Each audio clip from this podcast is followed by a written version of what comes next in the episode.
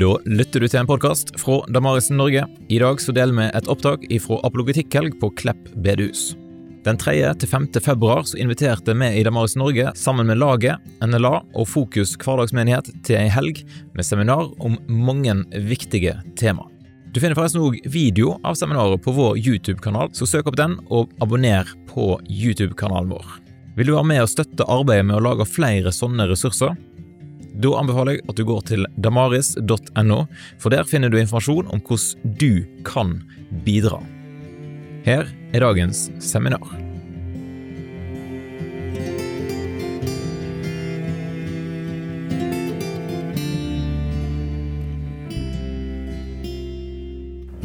Så skal vi gå over til Skeptikerens guide til tro. Skeptikerens guide er en tittel som eh, jeg og Vida Maris har brukt en tid. Så hvis dere går på våre nettsider på snakkomtro.no eller på YouTube-kanalen vår, så vil dere finne en del serier som heter det. Skeptikerens guide til evangeliene. Skeptikerens guide til påsken. Skeptikerens guide til julen. Skeptikerens guide til Paulus osv. Um, og det syns vi har vært en veldig god måte å nærme seg sentrale trosspørsmål på. Nemlig ta utgangspunkt i spørsmålene som er i tiden, gå og se hvor vi kan finne svarene. Og det fører alltid til for min egen del en nye oppdagelser og en enda bedre forankring i troen. Eh, men også en større sympati og empati med de som syns det er vanskelig å tro. Sånt. Det vi kaller skeptikere. Hva er skepsis? For noe. Vi har, eh, vi har, i vår kultur en veldig merkelig måte å forstå ordet skepsis på. Som setter opp skepsis som en motsetning til tro. Det er den moderne myten om tro og skepsis. At det er to forskjellige ting. Du kan enten være skeptiker eller du kan være troende. Som Stefan nevnte her um, i går, så undersøker en, en, forskning på svenske skoler. Så, så er diskusjonen i klasserommene om tro og livssyn slik at det er de som er skeptikerne. De tenker sjøl. De er selvstendige. Men siden vi er så tolerante, så kan vi akseptere at folk tror.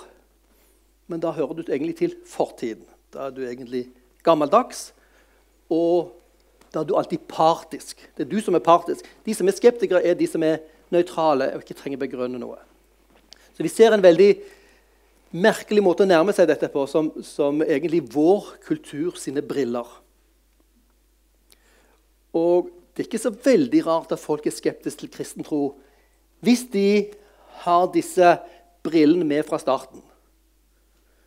Hvis jeg skal bli kristen eller tro på dette, må jeg, må jeg slutte å tenke, må jeg slutte å stille spørsmålene. Kan jeg virkelig parkere alt det av meg som stiller spørsmål, som vil tenke, og som krever svar? Det er jo aldri Jesus krevde oss, det har ikke Bibelen krevd oss.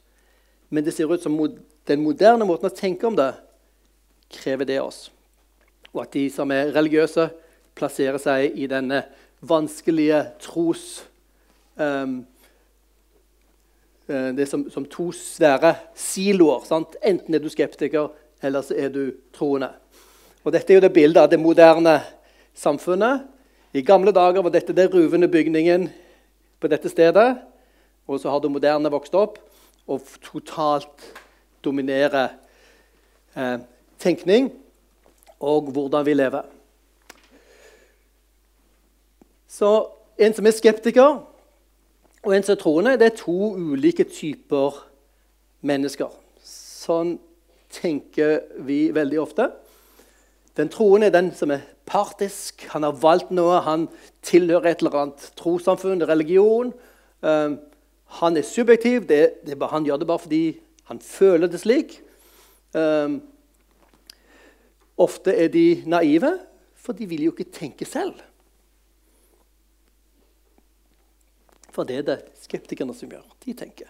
Mens er du religiøs, skal du gjerne lukke øynene og folde hendene og bare gi det hen til dette som man ser for seg som et, som et eller annet føleri. Og i uh, diskusjon så er det alltid de som tror, som får jobben med å begrunne. Hvordan kan du hevde? Sånt? Du som tror noe. Du er den som må begrunne.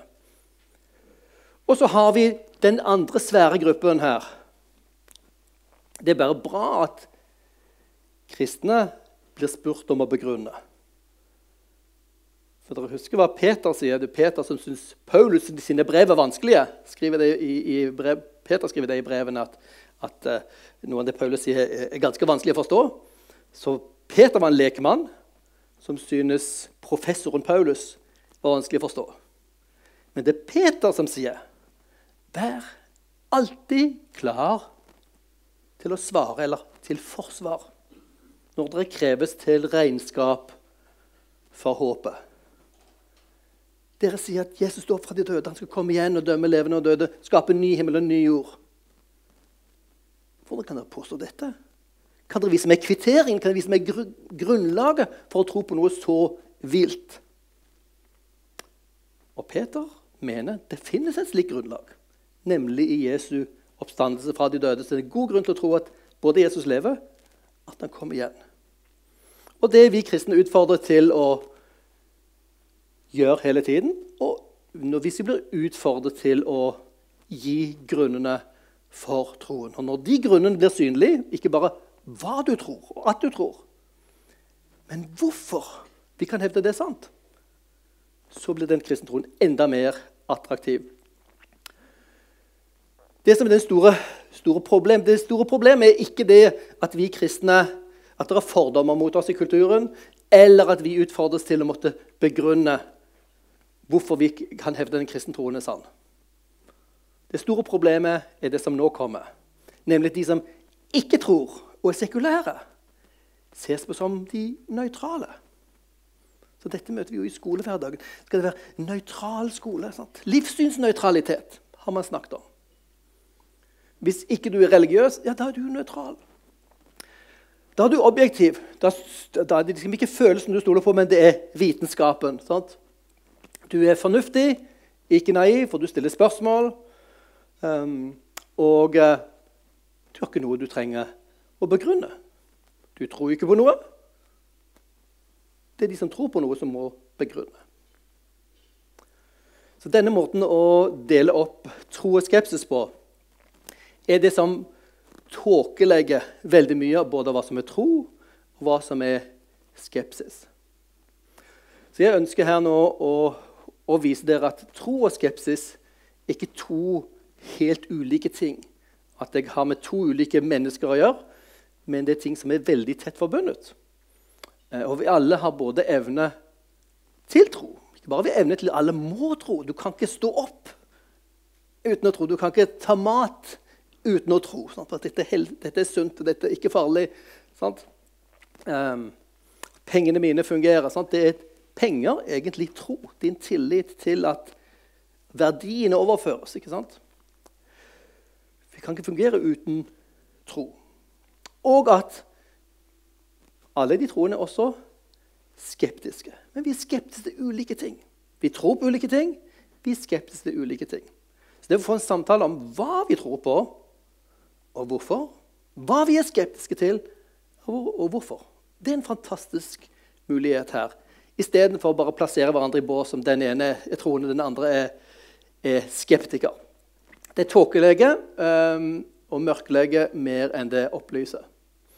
Her ser du et, et, et, veldig konkret eksempel på dette. her. Uh, den veldig berømte artisten Richard Dawkins hevdet, uh, som er utgangspunktet for en god del av hans uh, litteratur. Han er jo har vært professor i Oxford, svært svært berømt, i hvert fall for en del år siden. Tror jeg nok det er litt på nedadgående, ehm, men eh, likevel. Han hevder at tro er blind tillit uten eller på tvers av bevis. Hvis du tror, så er det nettopp fordi du ikke har bevis. Det er ofte i konflikt med de beste bevisene vi har. Så tro og viten er alltid i konflikt. Sånn det er veldig mange moderne mennesker som tenker. at tro og bevis, tro og fornuft, trovitenskap, er i konflikt. Du må velge enten-eller. Og så er det bare et enkelt spørsmål til dette. Mm. Richard Dawkins, hvor har du det fra?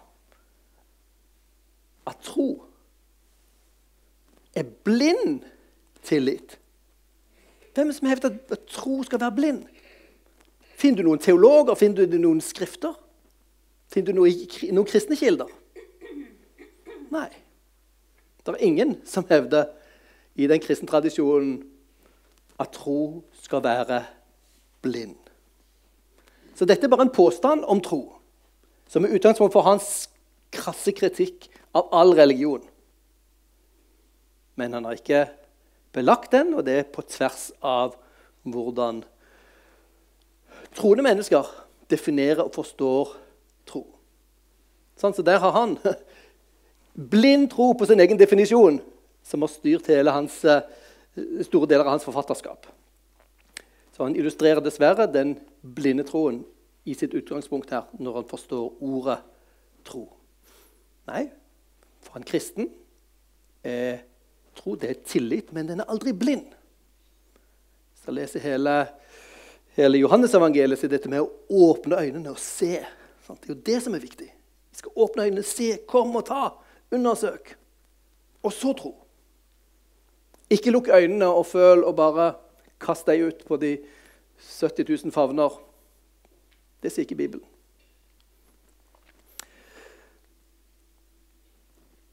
Det som er interessant her, er Noen av dere har kanskje hørt om eh, filmen 'Sightgeist'.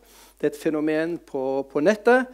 En film et, et par um, serier av noen såkalt dokumentarfilmer.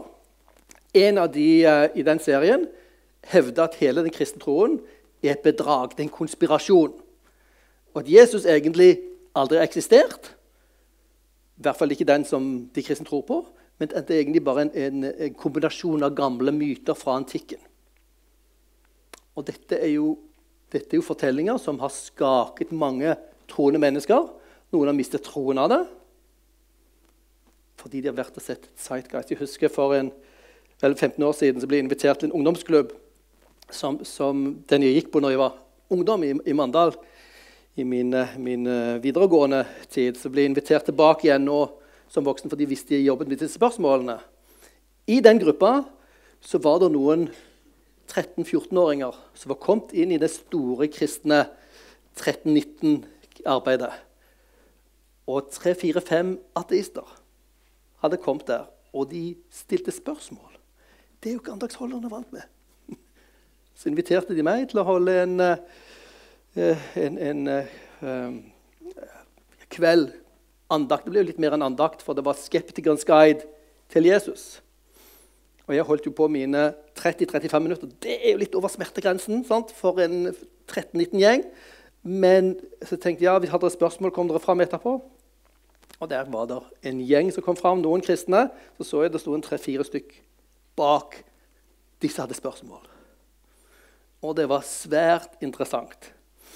Satt og ventet, snakket, snakket de med de kristne først, og så kom disse herre. Og da, på spørsmålene de hadde, kunne jeg høre hvor de hadde vært. De har vært på Internett. De har hørt, hørt på videoer av Richard Dawkins. De har vært og sett Sightgeist. Dette var deres forestillingsverden. Der de hadde informasjonen om. Og det at jeg visste litt om hva Zeitgeist var, sant? det gjorde at jeg kunne punktere noen av de spørsmålene. Ikke for å sette dem på plass, men å si at mm, Sightguys er en konspirasjonsteori som ingen fagfolk vil støtte. Eh, og eh, hvis du faktisk undersøker Jesus, så finner du ut noe helt annet. Så, så kan skeptikere, ateister, kan også tro på ting som altså naiv tro på fortellinger. Um, sånn som troen på den Zeitgeist-filmen. Hvis, hvis, det stemmer med deres større bilde Kristendommen sannsynligvis en løgn. Denne vil vi fortelle kristendommen en løgn. Da er den sikkert troverdig. Da er man ikke kritisk. ikke sant? Da vurderer man ikke kritisk det man ser. Vi trenger å vurdere kritisk det vi ser, også vi som er kristne, når vi ser kristne ting. En av, en av utfordringene våre er at vi er vant til når vi ser kristne ting, så skal vi bare ta det inn. At når vi ser sekulære ting, skal vi være kritiske. Men da har vi ikke oppøvd vår kritiske sans. Vi trenger å, å være ikke negative, ikke nødvendigvis skeptiske, men vi må ha våre spørsmål med. Men en skepsis kan også være naiv. Sant? Ikke bare de troende som kan være naive. De kan også være dogmatiske. Du har artister som er så bastant og dogmatiske og ikke gir seg. Kan, du har mange eksempler på troende som er veldig bastante på det de tror og ikke vil gi seg. Men det kan du være også som skeptiker. Så det som er problemet med troende, kan være like mye problem for skeptikerne. Så det er ikke to ulike mennesketyper, to ulike grupper, men en utfordring både for troende og skeptikere. Hvis vi ser Hvis hvis vi stiller spørsmål hva skepsis er for noe, så kan det være nyttig å skjele med litt type ulike forståelser av hva, skepsis er for noe. Det ene er den kritiske metoden. At du nærmer deg ting med kritiske spørsmål.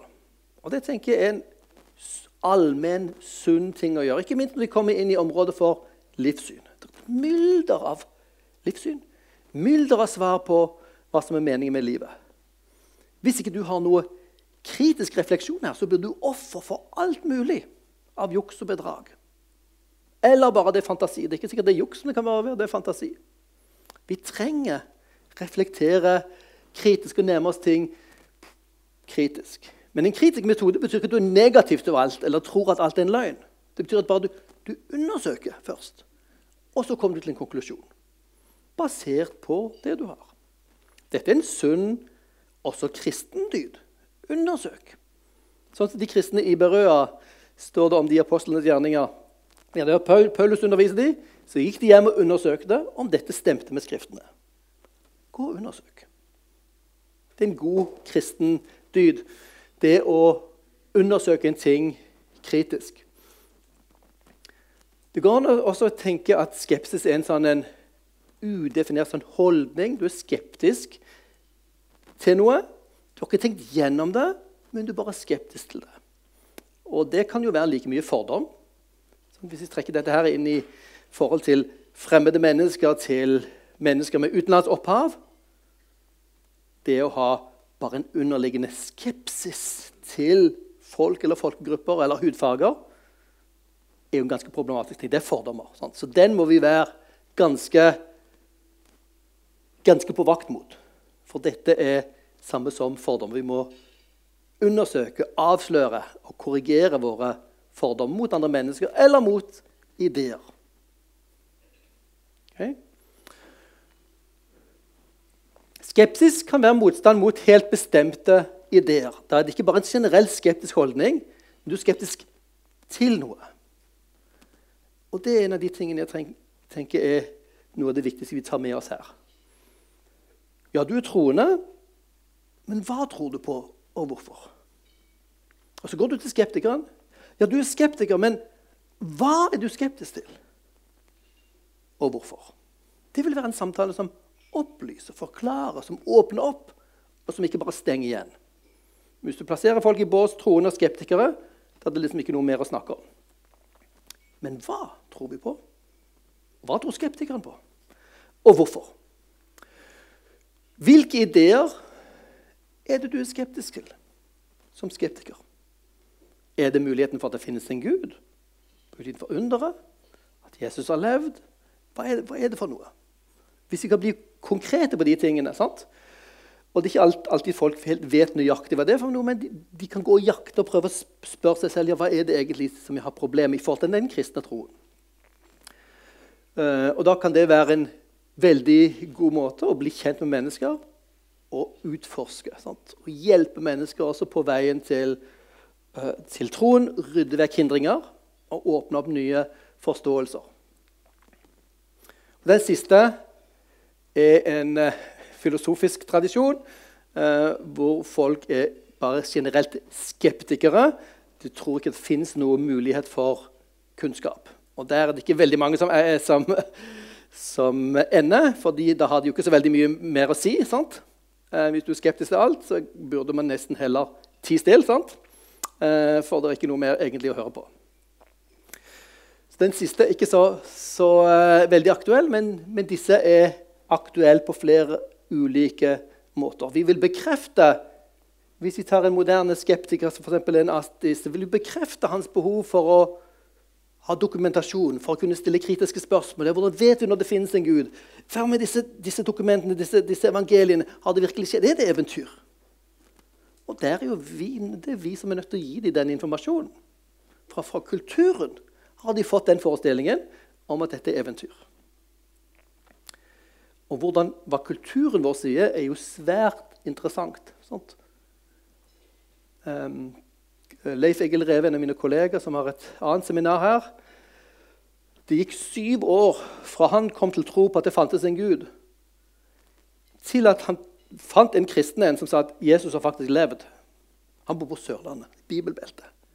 Han trodde det fantes en Gud, men det hadde aldri slått han at Jesus var en virkelig person. I skolen da hører Jesus til i religionsfaget. Men det har ikke noe med virkeligheten å gjøre. Det har med verdier og dine subjektive synsinger. Så Jesus er ikke-eksisterende i historiefag eller filosofifag, for det er religionsfaget. Når han oppdaget det, så begynte han å undersøke det, og da kom han til tro på Jesus. Når han så hvor godt det var eh, belagt, hvor godt det var dokumentert Jesu liv, og til og med hans oppstandelse. Så kritisk metode er bra. Udefinerte, skeptiske holdninger er noe vi må eh, være på vakt mot. Eh, også våre egne, altså oss som troende, har jo skeptiske holdninger til andre ting som vi må, vi må um, selv være kritiske til. Og motstand mot bestemte ideer. Er du kristen, så har du motstand mot alt de alternative ideene. Er du muslim, da tror du på noe, da har du motstand mot noe annet. Er du ateist, tror du på noe, da har du motstand mot noe annet. Dere ser at uh, de, de ideene man har motstand mot, egentlig avslører at det ligger en tro i bunnen. En skeptiker er ikke noen nøytral ikke-troende. Han er tvert imot han tror så sterkt at han ikke vil slippe inn nye tanker. I hvert fall de tankene som har med Jesus og Gud å gjøre. Og det er der vi må, der vi må være kloke og hjelpe folk å åpne opp og prøve å være objektive.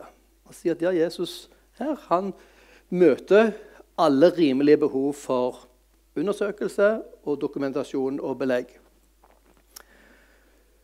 Så her er det et annet eksempel på, uh, på dette med skepsis og tro. Her ser vi et bilde av en tegning av Jesu helbredelse av den lille jenta som var død, og som han reiser opp fra de døde. Um, er du en skeptiker, så vil du si at dette er umulig. sant? Er du et vanlig menneske, vil du si ops, er dette mulig? Det var veldig merkelig, jeg har aldri hørt om før. Det har aldri skjedd før i historien. Så jeg har vel grunn til å være litt skeptisk. Ja, det vil jeg si du har. Og så diskusjonen mellom moderne troende og skeptikere så er det interessant å se her at er du troende, altså tror på at det fins en Gud, så er jo dette mulig. Men det betyr ikke at du vil tro på alle undere for det. At du skal tro på at det faktisk er et under, så må de som forteller om det, og sammenhengen, være troverdig. Så det er avhengig av resten av evangeliefortellingen og forfatterne og sammenhengen. Sant? Som gjør at vi kan tro på det. Gud kan gjøre dette her. Så om han virkelig har gjort det, avhenger av vår tillit til de som forteller fortellingen. Er du moderne skeptiker, så er du normalt en ateist som sier nei, dette er jo umulig. Og Hvis du da spør hvorfor det er umulig, ok, da må vi begynne å forsvare det. Dette er, og Ofte kommer svaret det er naturloven. Naturlovene sier at mennesker kan ikke virkelig komme tilbake fra døden igjen hvis de virkelig er døde. Det er umulig. Men uh, er et under brudd på naturlovene? Nei. Den kristne forståelsen av underet er jo ikke at det er et brudd på naturlovene. Gud bryter ikke de lovene han har lagd, men han griper inn. Sånn at hvis vi slipper denne, så vil gravitasjonen ta over, og det vil falle i gulvet. Men om jeg griper den her, så har ikke jeg brutt noen naturlov. Jeg bringer inn noe nytt. Hvis jeg som skaper har lagt livet til å fungere sånn, så betyr det ikke at de ikke kan gripe inn og skape noe nytt. Så det er ikke egentlig brudd på naturlovene. Men for at dette skal, gi, at dette skal bli faktisk umulig filosofisk, så er de nødt til å hevde seg at ja, naturlovene finnes der, og Gud finnes ikke. Og da blir dette umulig. Men det å hevde at Gud finnes ikke, er jo en tro. Sant? En overbevisning om at universet er et sted hvor ikke det finnes en Gud. Og det er en tro. Det kalles ateisme, eller litt mer presist naturalisme i den moderne, moderne antrekket. Det har masse masse trosforestillinger. Naturen er alt som finnes. Naturen styres av naturløver. Når mennesket dør, så er livet slutt. Og mennesket er produkt av bare natur osv. Masse trosforestillinger som ingenting kan bevises. Men de tror det. Dermed enhver skepsis har tro. Hvis ikke det var slik, så hadde ethvert menneske som hadde hørt fortellingen om Jesus, bare akseptert det. Det at man har motstand eller skepsis til det, avslår at det finnes noe tro der fra før som hindrer den nye informasjonen om Jesus. Og Da er vår jobb å undersøke hva, hva slags trosforestillinger, hva slags oppfatninger. Eller er det fordommer som ligger der, som hindrer de å akseptere fortellingen om Jesus. Hvilken tro er det? Så dette illustrerer at tro og skepsis er ikke to ulike ting, men det ligger alltid en tro bak skepsis. Så det er ikke enten-eller. Det er ikke vanntette båser av troende og skeptikere. Det er svært fordummende å dele mennesker inn slik. Eh, de troende og de ikke-troende. Nei, spørsmålet er hva man tror på. Man kan tro på religiøse eller sekulære forestillinger. Det er en nyttig distinksjon. Og begge må redegjøre for hva de tror på, og hvorfor. ikke sant? Så dermed tro og skepsis egenskaper vi alle har. Alle har en evne til å stille spørsmål, og det er en viktig ting for oss å stille spørsmål. Går du og kjøper bil, handler bil, ha, eller brukt bil, for å si det sånn, da trenger du å stole på bilselgeren. ikke sant? Kjøper dette blindt, så kan du fort bli ganske fattig. Går du på livssynsmarkedet og bare blindt plukker noe, så kan du bli ganske skadet og offer for mye. Så vi trenger kritisk sans. Vi trenger skepsis. Samtidig vi kan ikke fungere uten tro. Fra øyeblikket vi åpner øynene våre om morgenen, kler på oss, spiser, går ut, tar bil, tar tog, møter mennesker, hører lærere, leser Alt fungerer med tro. Vi tror på noe. Det er tro som er drivstoffet. Det er tvert for 30 år siden jeg hadde sett bensinen, men la oss si energien. Nå sier vi noe som er miljø, miljøvennlig. Eh, våre liv er helt avhengig av tro og tillit for å fungere. Vi kan ikke ha relasjon. Vi kan ikke fungere som mennesker uten tro. Og det er tro som får livet til å fungere. Men da må troen være plassert rett sted. Og Det som er det tragiske, er jo det at vi lever i en verden som sviker oss. Som vi som mennesker veldig tidlig vi lærer oss tillit til foreldrene. Vi vokser opp i våre foreldres armer. Sant? Og så merker vi Oi, de var ikke her. Eller de snakker ikke sant så virker vi mennesker sviker oss. Hva kan vi ha tillit til? Det vi var skapt til å ha en åpen tillit til medmennesker og til Gud, den er skadet. Sant? For vi mennesker er ikke, er ikke troverdige. Men så trenger vi desperat tillit. Vi kan ikke leve av skepsis. Vi trenger skepsis for ikke å ta feil. Vi trenger tro for å kunne fungere i hverdagen, til og med i økonomi økonomifaget, som er liksom hard cash. Vi tenker det, ja, det, det, Dette er det mest konkrete du kan ha. Men penger er ikke en ting. Penger er tillit. Hvis tilliten i samfunnet forsvinner, bryter all økonomi sammen. Til og med om du bruker mynter og sedler sant, i gode gamle dager. Hvis ikke kjøperen og selgeren har tillit til at den er verdt det, og at den får tilbake det samme som, som, gir, uh, som han tror det, så bryter alt sammen. Til og med den harde vitenskapen økonomi drives av tillit til et system. Så vi trenger tillit, og det er viktig med skepsis. Alle tror spørsmålet på hva og hvorfor. Det er en av de tingene vi er veldig opptatt på studiet vårt kommunikasjon og livssyn. Det er viktig at du forstår hva du tror på. Da det er flott at folk går på bibelskole. Men det viser seg veldig ofte at, at de i bibelskolen ikke hjelper folk, ikke engang teologiutdanningene, hjelper folk med, med, med å forklare hvorfor de tror. Eller rettere sagt hvorfor det er grunn til å tro at den kristne troen er troverdig. I et mylder av alternativer og hvor det fins mange innvendinger.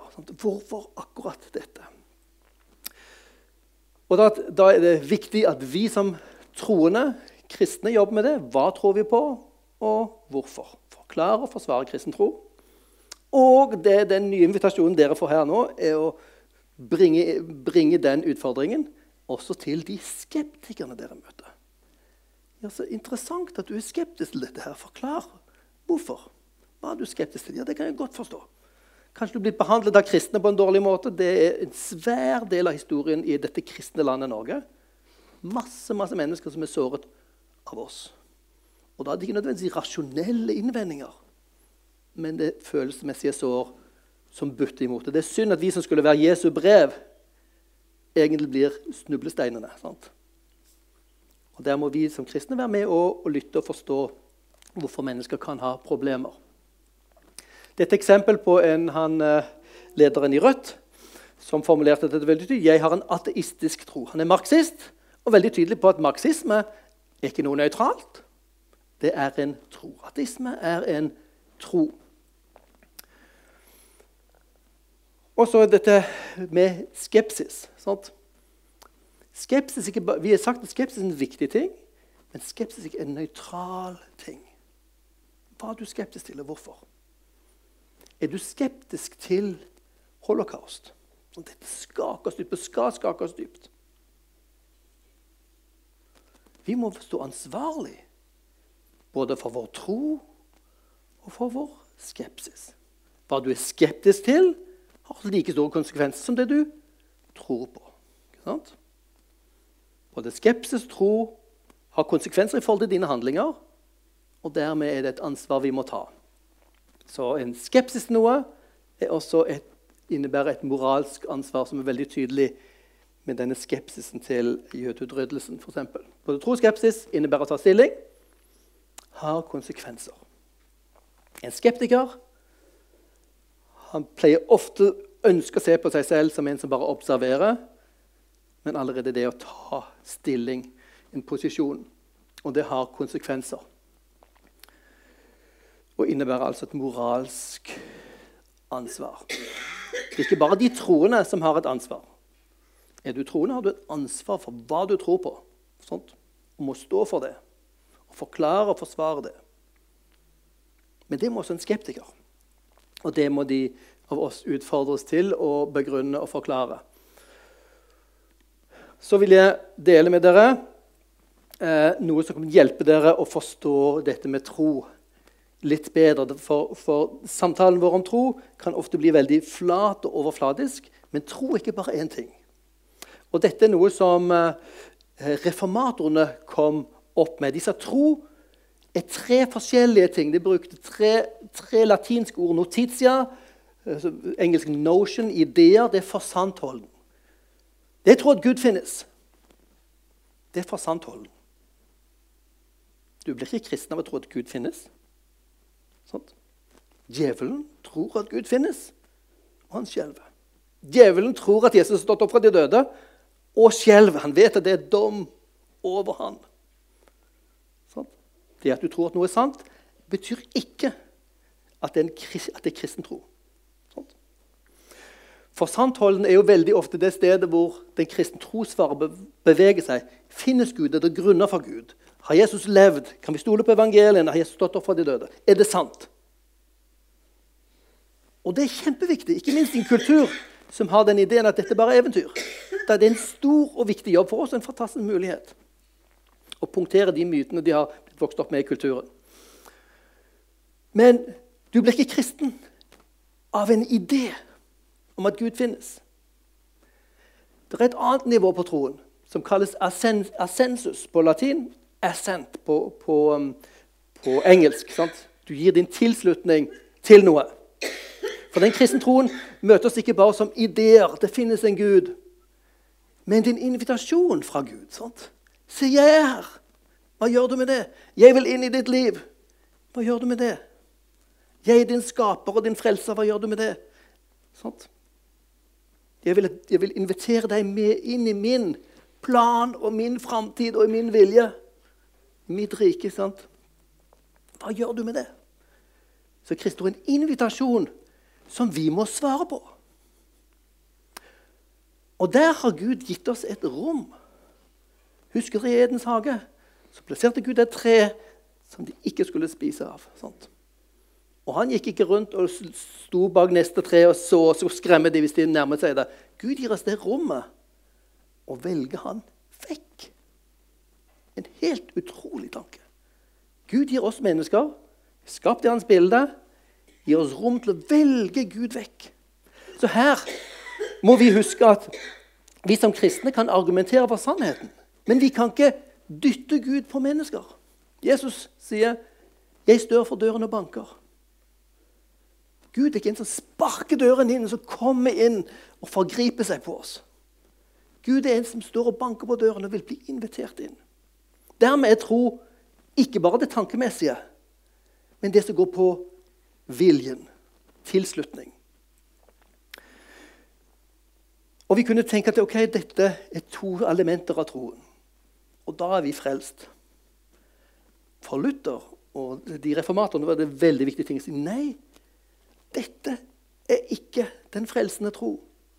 Denne tilslutningen, som, den troen som en fan har. Fan av Bryne fotballag.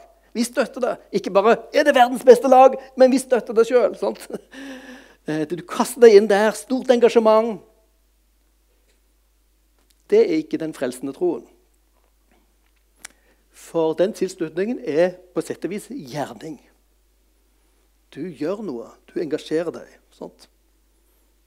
Det som, den, det som er den frelsende tro, er det siste elementet, som var svært viktig for Luther og reformatorene. For den tilslutningen der det er veldig vanskelig å gjøre for et barn som ikke har noe kunnskap og forståelse. Men den dypeste form for tro er fiducia, tillit. Et barn kan ha tillit. Et barn fungerer med tillit helt fra starten. Og så lærer det mistillit ved at vi sviker det. sant? Tillit er drivstoff, energien som skaper relasjoner, som bygger vår verden. Og som var opprinnelig ment å være at vi skulle være sånn i Edens hage. Tillit til han som sa 'ikke spis av det treet'. Så kunne vi levd. Men det var basert på tillit. Ikke på kontroll eller makt eller manipulasjon. Og der vil Gud at vi skal komme tilbake igjen. Og dette er det barnets tillit å hvile i Guds armer. Reformatorene snakket om denne troen ikke som det å vite om Jesus, troslæren, han er, han er sann Gud, sann menneske. Disse er, er 100% Gud, 100% menneske. De må ikke blandes, ikke skilles fra hverandre. Det er dogmatikken her. Dette er dogmatiske ting du har godt av å lære om, men det er ikke det, er ikke det som frelser deg. Heller ikke det å si ja til Jesus. For da er du fan. Det er en bra ting å være fan av Jesus. Men det er det siste. Du hviler i hans hender. Han har gjort alt for deg, og han vil ha deg tilbake til der han skapte deg, være hans barn. Så dere ser her at i forhold til dette med skepsis så har en skeptiker også forsanthold. Han har ideer som han tror er sanne. Og undersøker hva er de sekulære selvfølgelighetene som de moderne skeptikerne ofte ikke har tenkt gjennom. Hva er de for noe? Vi klarer oss fint uten Gud. Vi kan være gode uten Gud. Religion er en fare for samfunnet. Det skaper konflikt. Og mennesket er verdifullt. Vi skaper oss selv, osv. Mange sånne ideer som hvis du begynner å undersøke dem, så finner du at de ramler sammen. Skep skeptikere, artister og sekulære har masse ting som de holder for sant, og som de kanskje ikke har tenkt gjennom. oppdaget. Vi skal hjelpe dem til å gjøre det. Og Derfor har vi også hatt en serie som heter 'Skeptikerens guide til sekulære selvfølgeligheter'. Som er de som hindrer mennesker å ta imot kristen tro. Du tilslutter deg alltid noe. Hva er det som er ditt manus for livet, kan vi også si til en skeptiker? Hva er det som styrer ditt liv? Hvem vil sette agendaen for ditt liv? For du lever ikke nøytralt. Valgene dine, hvor har du de fra? Er det reklame? Er det Netflix? Er det vennene dine? Er det et manus du egentlig kan gå god for? Den tilslutningen. Hva er du egentlig fan av? Hva som berører deg? Og tillit. Hvordan forankrer du livet ditt? Hva du forankrer mening, håp, din verdi, din betydning. Vi trenger alt, alle å hvile i noe, forankring et eller annet sted. Og vi trenger å utforske også hva moderne, sekulære mennesker, som ikke vet de tror, måler de for sant. Hva er det de er tilsluttet? Hva engasjerer de? Ofte er det der punkter der som vi kan knytte an til som, hvor Jesus egentlig er svaret, men hvor de tror de har et bedre alternativ. Og så trenger vi alle et sted å hvile um, og forankre våre liv.